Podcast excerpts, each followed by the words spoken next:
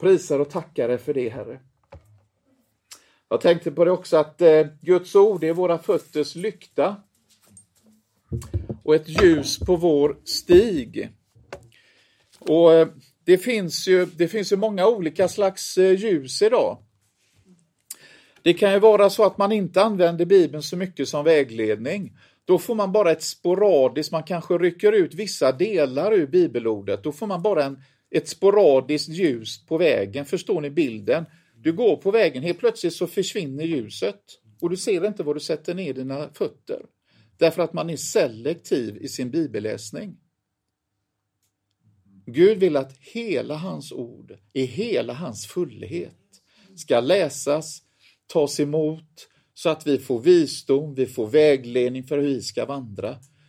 Sen finns det ett falskt ljus som verkar som ett, nästan som ett stroboskop som nästan kan blända oss på den vägen vi ska gå. Och det gör också att inte vi riktigt uppfattar ordet som det ska. När det blir lite, kanske lite hyperkarismatiskt, man går utöver vad Guds ord har sagt. Så när man går utöver vad Guds ord har sagt, då får man ett falskt ljus på sin stig. Så vi behöver Guds ord i sin hela fullhet. Amen. Amen.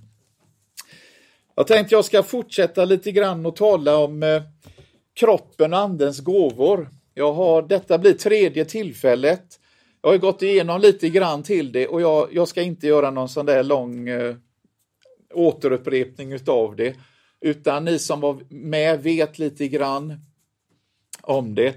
Och jag tänker gå direkt på bibelordet. Jag tänker ta upp det första av Andens nådegåvor. Det är ord av visdom. Tycker ni att det finns för mycket av ord av visdom idag? Finns det för mycket? Det är för lite. Det är för lite av ord av visdom idag.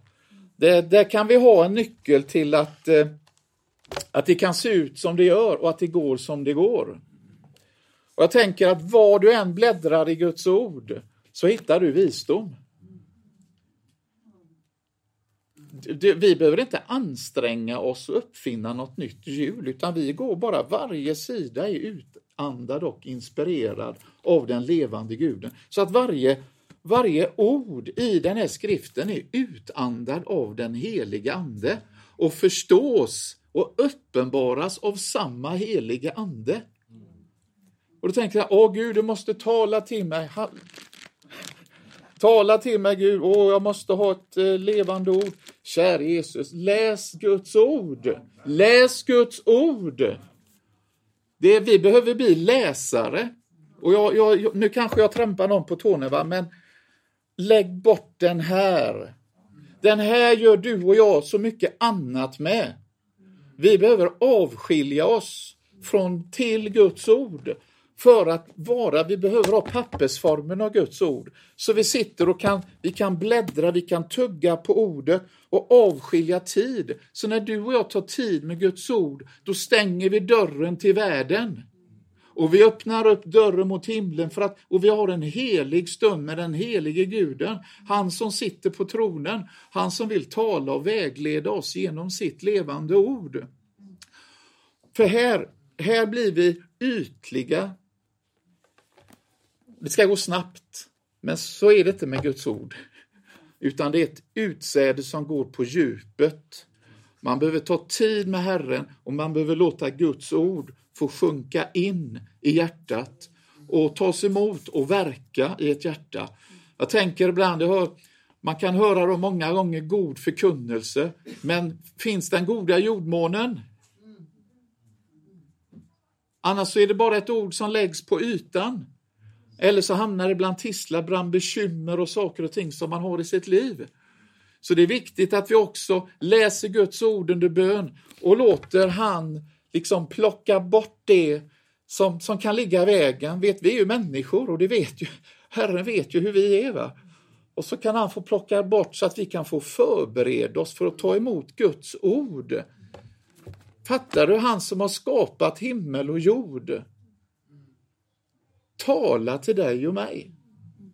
Innan allting var han som satte stjärnorna, han som satte jorden, vet jorden går runt med sån hastighet så ställer du och jag oss vid ekvatorn va. Så oh, vet det går så fort va så att vi, vi, vi hänger med utav sen, liksom av gravitationen. Det går så fort va. Nu pratar vi 180 000 kilometer i timmen. Det är sådana hastigheter och ändå hålls allting samman genom hans ord. Halleluja, halleluja. Jag vill bara uppmuntra er så att ni förstår att, att Guds ord är levande och verksamt. Vi tar oss till Första Korinthierbrevet kapitel 12. Och så kan vi läsa från vers 1. Det, det enda jag vill säga lite kort, det är att den här församlingen i Korint är en ganska ung församling. Man tror att den kanske är åtta, nio, kanske tio år gammal. Och man har fått smak på det här med vittnesbördet, det är väldigt rotat hos dem. Eh, de är rika på insikt och tal eh, och de är också rika på gåvor.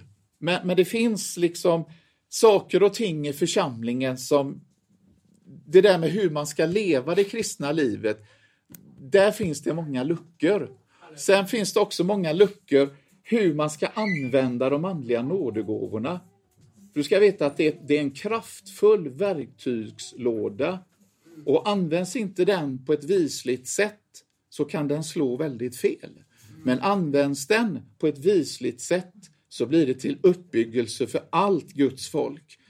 Det blir till eh, sådan rik välsignelse så att du vet både tjänstegåvor och nådegåvor ska få fungera i Guds församling. Det är helt naturligt. Varken du eller jag behöver några teologiska examens, eh, vi behöver inga doktorshattar, vi behöver inga professurer, vi behöver ingenting sånt. Vi behöver alla vara läsare och forskare i skriften, att hämta både från det gamla och nya förbundet. Så att när du och jag hämtar både från det gamla och nya förbundets texter, då blir vi som en rik lärjunge, står det. Förstår du? Vi blir som en rik lärjunge. Och så tänker jag, ja, men hur ska vi hålla ordning på allting vi läser? Den helige Ande, våran hjälpare, han kommer och påminner oss. Han drar fram de här orden i rätt tid. Så när du och jag står inför olika situationer i livet, både personligt och som församling, då kommer den helige Ande. Så att har vi matat oss och det finns mycket Guds ord i oss, så har den Guds Ande mycket att lysa på i våra liv. Och då plockar han fram, det. jag har upplevt, upplevt det så mycket i mitt eget liv. Hur den helige Ande lyser på saker och ting. Ja, just det, tack för att du sa det här. Jag behövde precis det här ordet nu. Det är liksom han hämtar upp i förrådet och så sätter han sitt, sitt ljus på det och så gör han det levande. Va? Så det, det, det är långt ifrån teorier. Och vet, ibland så jag kan bli så trött på det. Det, det, det är liksom så högmodigt att sätta liksom Guds ord mellan två glas under ett, förstå, alltså under ett mikroskop och så ska man liksom läsa ut och så ska man se exakt vad det betyder och man vrider och vänder på saker och ting. Va? Det går inte att göra så med Guds ord. Guds ord måste få tala till oss. Va? Och Jag tror att det finns en anledning varför ord av visdom står först bland de nio gåvorna. Vi ska gå till eh, och läsa texten. När det gäller de andliga gåvorna, bröder, vill jag inte att ni ska vara okunniga. Ni vet att när ni var hedningar drogs ni oemotståndligt till de stumma avgudarna. Därför ska ni veta att ingen som talar genom Guds ande säger förbannelse över Jesus och att ingen kan säga att Jesus är Herren annat än i kraft av den helige Ande. Det finns olika nådegåvor, men Anden är densamme. Det finns olika tjänster, men Herren är densamme. Det finns olika kraftgärningar, men Gud är densamme, han som verkar allt i alla. Men hos var och en, lyssna nu, men hos var och en visar sig anden så att den blir till nytta.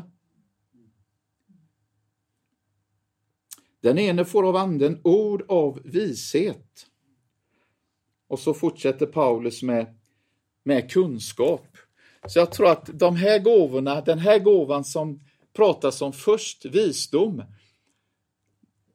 jag tror att det är, jag skulle kunna kalla det för förståndsgåvor.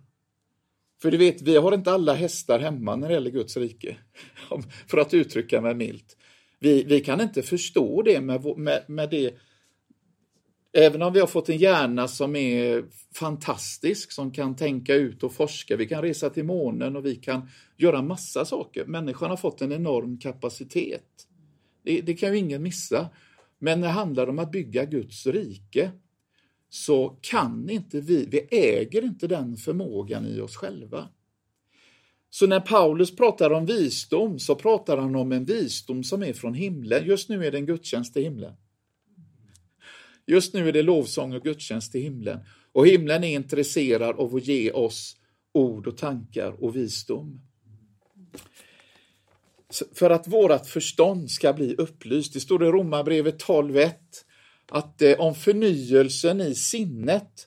Det är inte så här att vi är liksom viljelösa robotar som lägger hjärnan under, under stolen liksom när vi kommer till kyrkan eller läser Guds ord. Liksom eller går på möte. Vi använder hela vårt förstånd, all vår själ, hela vårt hjärta, allt.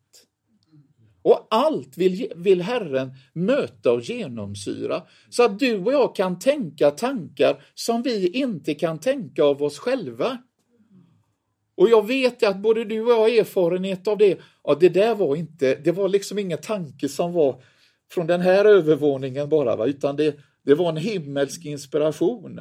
Och så helt plötsligt så tänker man att wow, oj, det, det, här var fantastiskt. Har du varit med om detta i ditt liv någon gång? Har du upplevt det någon gång?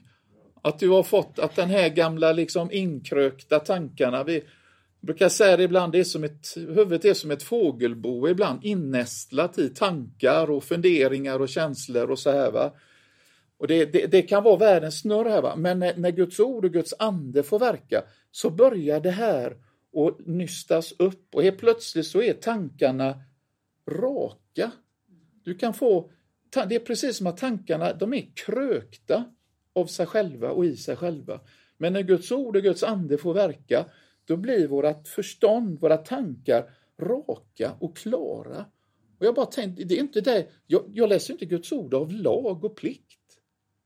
Jag läser Guds ord av ren självbevarelsedrift. För jag vill ju inte att mina tankar ska vara inkrökta och jag vill ju inte att mitt hjärta ska vara hårt. Och jag vill ju inte att min, min ande ska utsläckas. Jag äter ju Guds ord varje dag för att jag behöver maten så förtvivlat. Och jag blir bara hungrigare och hungrigare jag mer och äter av Guds ord. Och jag vill bara ha mer och mer kunskap. Och jag vill kunna praktisera mer och mer. Jag längtar efter att få lära mig mer, jag längtar efter att få praktisera mer. Ännu mer av det som jag ser alla utföra liksom. Och det är inte sant att det bara var där och då. Utan det är här och nu, today. Idag, idag vill Herren göra under. Idag vill han tala. Idag vill han räta ut dina och mina innästlade och inkrökta tankar och vårat snurriga känsloliv. Våran själ som kan vara liksom så orolig va? så att ordet anden får tala till våran själ liksom. Stilla dig. Varför så orolig i mig liksom? Stilla dig liksom. Och vet, det är himmelsk visdom. Det är ord av visdom. Vi bara läser Guds ord för att det ger oss visdom. Och när du och jag själva har fått erfara det här, då kan vi få dela det vidare. Jag tänkte på det i morse, du vet när man, när man äter den lekamliga maten så, så går den in här och, och, och går ut den vägen. Och däremellan så tar kroppen upp alla näringsämnen. Men när vi äter Guds ord så upptas det och, och ger näring och styrka åt hela våran människa. Men det går ut den vägen sen. Det är evigt och sen så fortsätter det genom en annan människa som tar emot ordet och så verkar det och så går det ut den vägen. Dagens bibelord, jag fick det förut att mitt ord det återvänder inte fåfängt utan att verka var till jag har sänt det. Så att så här, Guds ord är levande mitt ibland oss. Därför att den helige Ande vill hela tiden, och det är så Guds ord bär frukt. En naturlig utsäde, du vet, det, det ger 10 procent om man sår någonting. Det är en naturlig skörd. Liksom. Men här pratar Bibeln om 30, 60 och hundrafaldig skörd. Det är ju övernaturlig skörd. Därför har Guds ord sån levnadskraft och sån livskraft i våra liv. Jag tror vi ska ta några bibeltexter.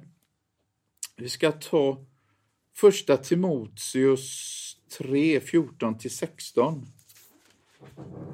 Ska vi titta lite grann på, på visdom? Kära Jesus. Halleluja. Första Timoteus 3, eh, vers 14 till 16. Så skriver Paulus så här till sin eh, unge eh, Timoteus som ska ut i tjänst och, och vara frimodig och, och liksom förmana och undervisa och så här. Detta skriver jag till dig i hopp om att snart kunna komma till dig. Men om jag, om jag dröjer vet jag att du ska veta hur man bör bete sig i Guds hus, som är den levande Gudens församling. Sanningens pelare och grundval, och erkänt stor är Guds fruktans hemlighet. Han blev uppenbarad i köttet, bevisad rättfärdig genom anden, sedd av änglarna, predikad bland folken, trodd i världen, upptagen i härlighet. Så här ser vi att den levande Gudens församling, det är vi. Församlingen är inte våran egen. Så fort man börjar anse församlingen vara sin egen så börjar, vi, så börjar man gå vilse. Och det gäller inte bara utifrån ledarhåll, utan det gäller också från var och en av oss. När man säger att det är min församling och i negativ bemärkelse så kan det innebära att jag tror jag gör vad jag vill med den för att den är min. Den är fortfarande Herrens, den är alltid Guds församling. Och det står att församlingen är sanningens pelare, en pelare och grundval. Så det är någonting som står väldigt stabilt. Eh, och så står det att erkänt stor är Guds fruktans hemlighet. Vi kan gå till eh, Ordspråksboken. Så ska vi gå till eh, kapitel 9. Och så ska vi se vad det står i vers 10. Det, här, det har liksom kommit till mig, jag tror det var Elias som läste det tidigare i, i somras. Eh, Gudsfruktan är vishetens begynnelse. Delade det på ett möte, tror jag, innan ni skulle åka till eh, USA. Och det, här, det, har liksom, och det har kommit upp, det kommer upp med jämna mellanrum och det kommer upp nu med och jag tror att Herren, Herren vill verkligen visa någonting. Så jag kan läsa från början, vers 9.1. Visheten har byggt sitt hus. Hon har huggit ut sina sju pelare. Hon har slaktat sin boskap, blandat sitt vin och dukat sitt bord. Hon har sänt ut sina tjänarinnor. Hon ropar från stadens öv översta höjder. Du som är okunnig, kom hit. Till den som saknar vett säger hon, kom, ät av mitt bröd och drick av det vin som jag har blandat. Lämna okunnigheten så får ni leva och gå fram på förståndets väg. Den som tillrättavisar en hånare får ta emot hån. Den som förmanar en gudlös får förakt. Förmana inte en hånare, han kommer bara att hata dig. Förmana den som är vis. Han kommer att älska dig. Ge åt den vise och han blir ännu visare. Undervisa den rättfärdige och han lär sig mer. Att vörda Herren är början till vishet, att känna den helige är förstånd. I andra översättningar så står det att vishet är gudsfruktans begynnelse. Det är, det är då vi börjar liksom att erfara vad vishet är för någonting. Vad är då gudsfruktan? Tänker vi så här att eh, ska man, i början när jag läste de här texterna, ska man vara rädd för Gud? Ska jag vara skräckslagen inför den levande guden? Tittar man på den grekiska grundtexten så är det grekiska ordet eusebeia. Och det är ett ord som är sammansatt av två ord. Eh, ev betyder god, väl, bra och eh, sebeia att vara gudfruktig. Så det, det visar, det betecknar en Guds, en relation som man har med den levande guden. Så det har ju ingenting att göra med den beteckningen att man ska vara rädd för Gud. Utan lever man i en gudsrelation, då är man gudfruktig. Ett annat ord, jag tycker det är ett bättre ord. Alltså en, en frukt, det finns en frukt som kommer ur relationen med den levande guden. Och vishetens begynnelse, lever man, börjar man leva tillsammans med den levande guden så börjar man också lyssna på vad han säger och läsa vad han säger. För att också göra vad han säger. Där har vi vishetens begynnelse.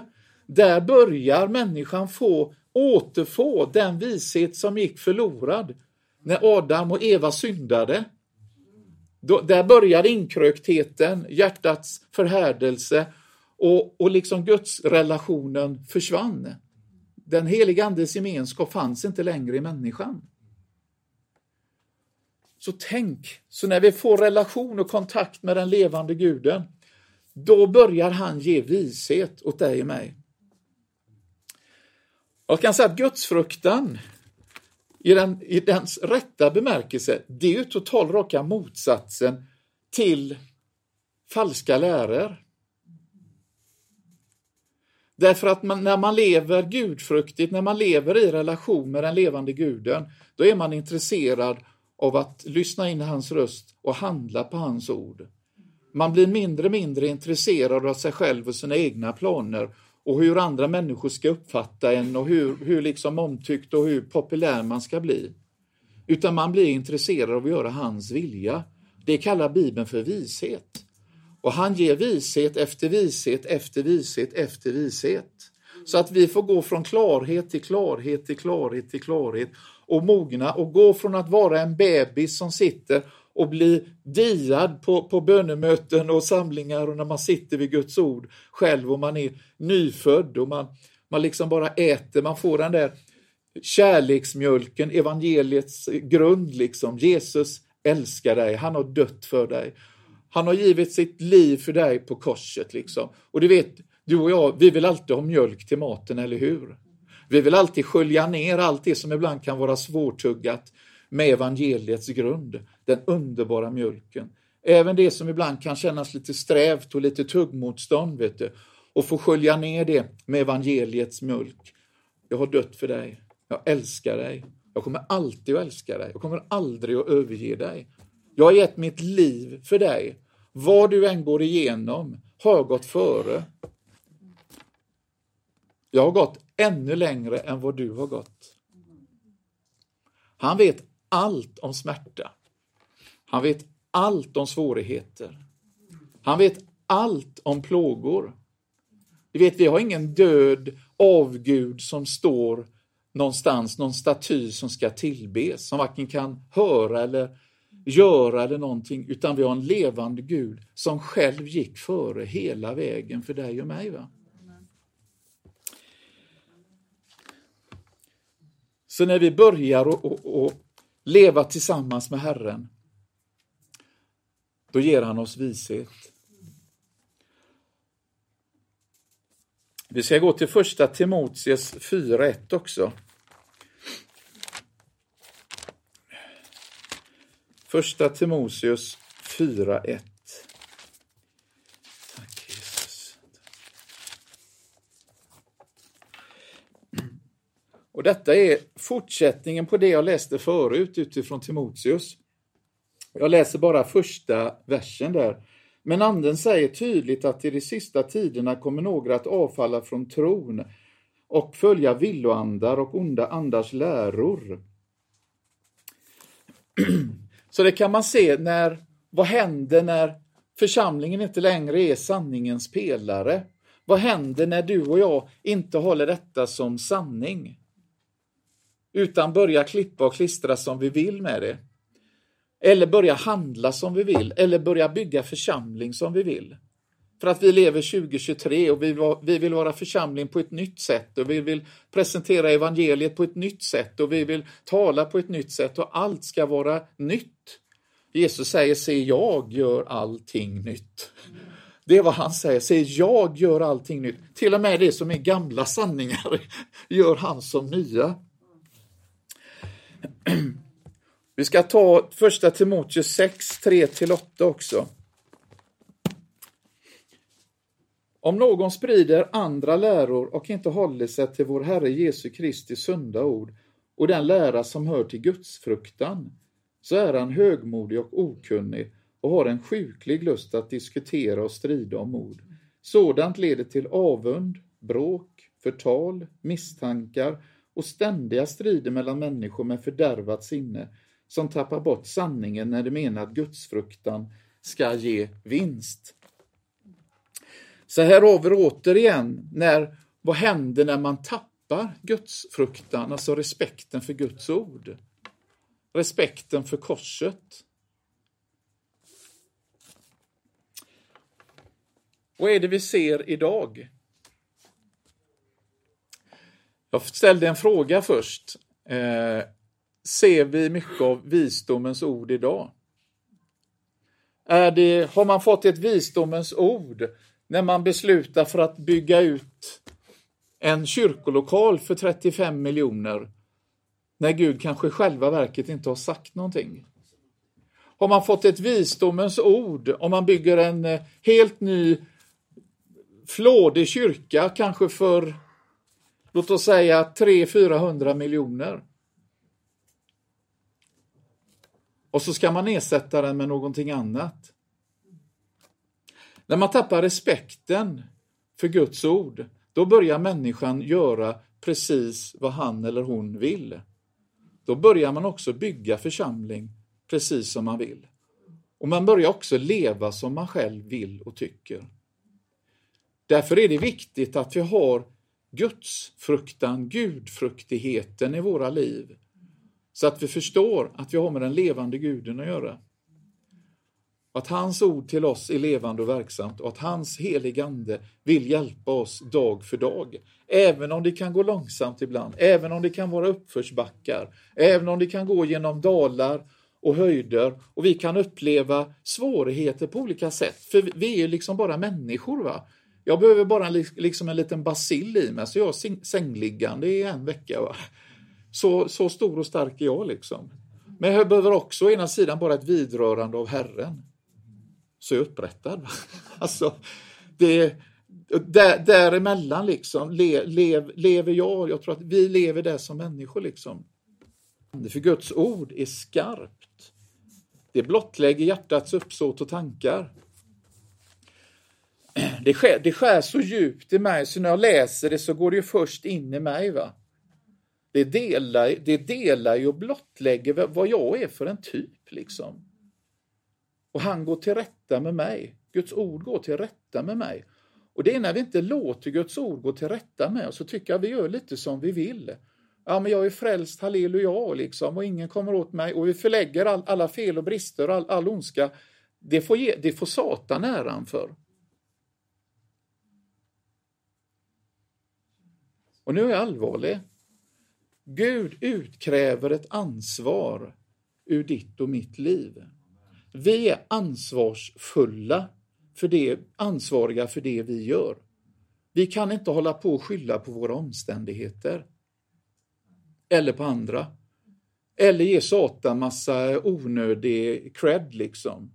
Han finns där och verkar, det vet vi liksom. Men håll dig där du ska hålla dig. Du och jag är ansvariga för våra felsteg och våra missgärningar. Och inför dem måste vi, då måste vi bekänna det. Det går inte bara att säga det är Satan och så är jag under blodet. Ja, du är under blodet, men du måste bekänna synden för att du ska bli fri. Det är först när du och jag säger som det är som vi får uppleva den här friheten, den här underbara nåden och mjölken kommer över oss. Liksom. Mjölken, vi, vi dricker den här mjölken på nytt igen. Och jag tänker att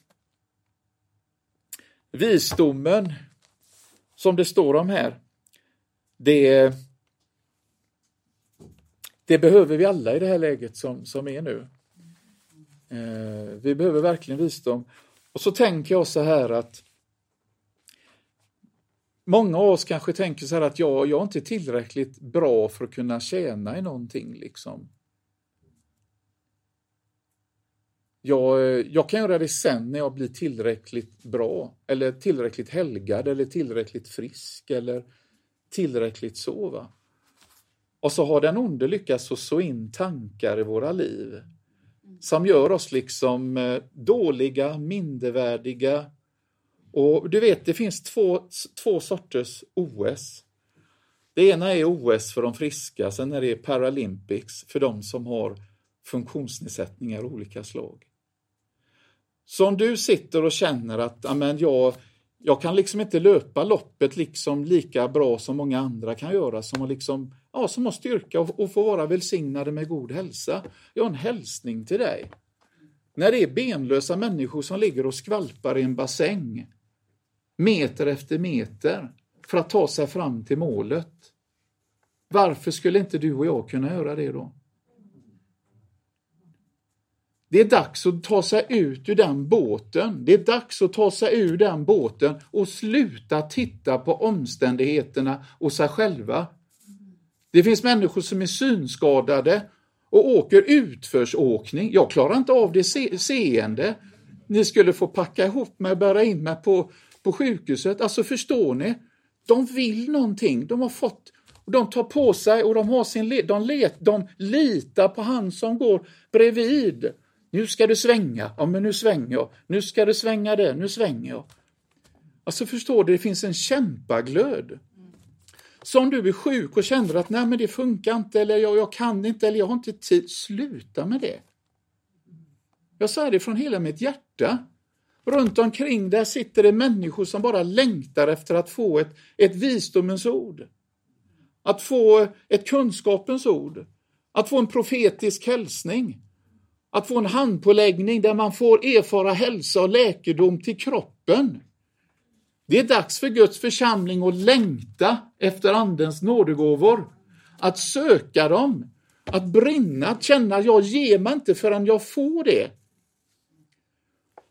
Jag menar, när jag läste Bibeln, jag hade gått något år eller kanske två med Herren och läste just det stället med nådegåvorna. Och sen vidare till kapitel 14 så, så var det ju liksom den profetiska gåvan som bara brann till i mig. Jag satt i köket, jag läste den och bara, det bara gick rätt in och tänkte så här, och så stod det att, att den ska vara med och bygga upp i församlingen. Och jag tänkte så här, ja, men jag i mitt gamla liv, jag har varit med och rivit ner. Jag lovar er. Det gör man när man använder narkotika och alkohol. Man blir en orkan som drar igenom människors liv och ödelägger både sitt eget och andras liv. Då tänkte jag, käre gode Gud, ge mig det. Jag grät över det. Jag nödgades i mitt hjärta, jag ropade till Gud. Jag låg raklång på köksgolvet hemma, jag bara ropade till Gud. Ge mig, jag vill ha det. Jag vill ha det. Därför att det finns människor som längtar. Så kanske du sitter här och är så självcentrerad så du bara tänker så om jag, om jag bara blir frisk. Eller om jag bara får det och det. Sluta med det.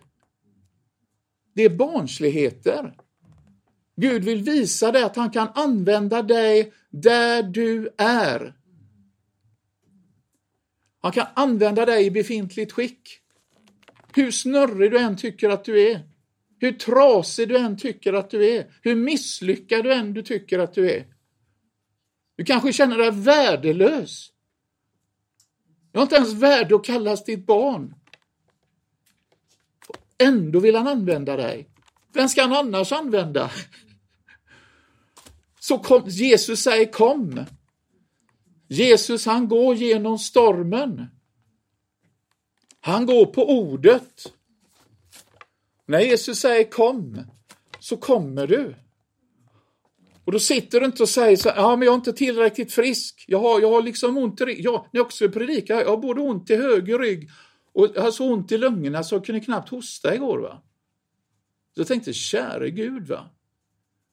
Jag gick, så här, jag gick så här hemma och satt i bilen och åkte iväg på någon inspirationshelg bort i, i Frista. Jag kände bara en maning. Syskon ville, ja men kom hit och vara med, få lite inspiration och uppbyggelse. Du behöver inte predika eller leda eller någonting. De bara tänkte på mig av hjärtats omsorg. Jag bara kastade mig i bilen och så körde dit upp och, och så satt där och hostade. Men jag tänkte, det gör ingenting. Därför att jag vet att jag kommer att få någonting. Det gör någonting med mig. Så längta. Längta efter Herrens gåvor. Halleluja. Jesus han ropar kom. Du vet, gå ut ur båten. Du vet, jag har fått erfara det här. Jag, detta är inte teorier bara jag läser, håller på att lägga fram nu. Jag vet hur det är när man får bli använd. Och jag vet hur lycklig man blir när man får se en annan människa bli lycklig. Trots att jag inte har perfekta omständigheter. Trots att det kan se ut som det gör i mitt liv. Så får man erfara det förundliga. Tänk att det fick vara till en välsignelse för en annan människa och få se en annan människa bli glad. Tårarna får komma, tårar av glädje. Man får krama om varandra. Det hade jag aldrig fått uppleva om jag hade legat hemma i fosterställning med tummen i mun. Och bara tyckt att det, det, det, liksom, det, det, är, det är så synd av mig. Va?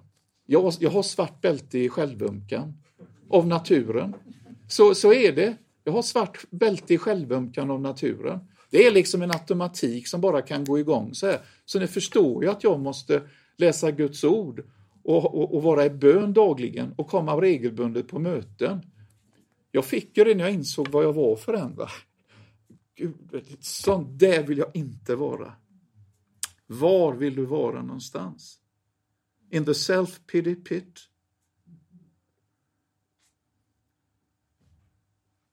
Eller vill du leva ett liv tillsammans med Herren och han ska få använda dig? Jag är alldeles övertygad om det. Alldeles övertygad om det. Alldeles övertygad om att du ska kunna få vara med och både lägga händerna på människor och få tala ord av uppmuntran. Att den här munnen, den här tungan som du tycker ibland slinter och ibland så talar vi inte alltid så väl som vi borde göra. Och vi kan känna sorg över det. Men rätt vad det är, vet du, så, så kommer det någonting och då vet man att det är himlen. Himlen kommer med visdom. Himlen kommer med visdom över ditt och mitt liv. Halleluja, halleluja, halleluja. Vi ska avsluta med Matteus 16, 24 där bara. Halleluja. Matteus 16, 24.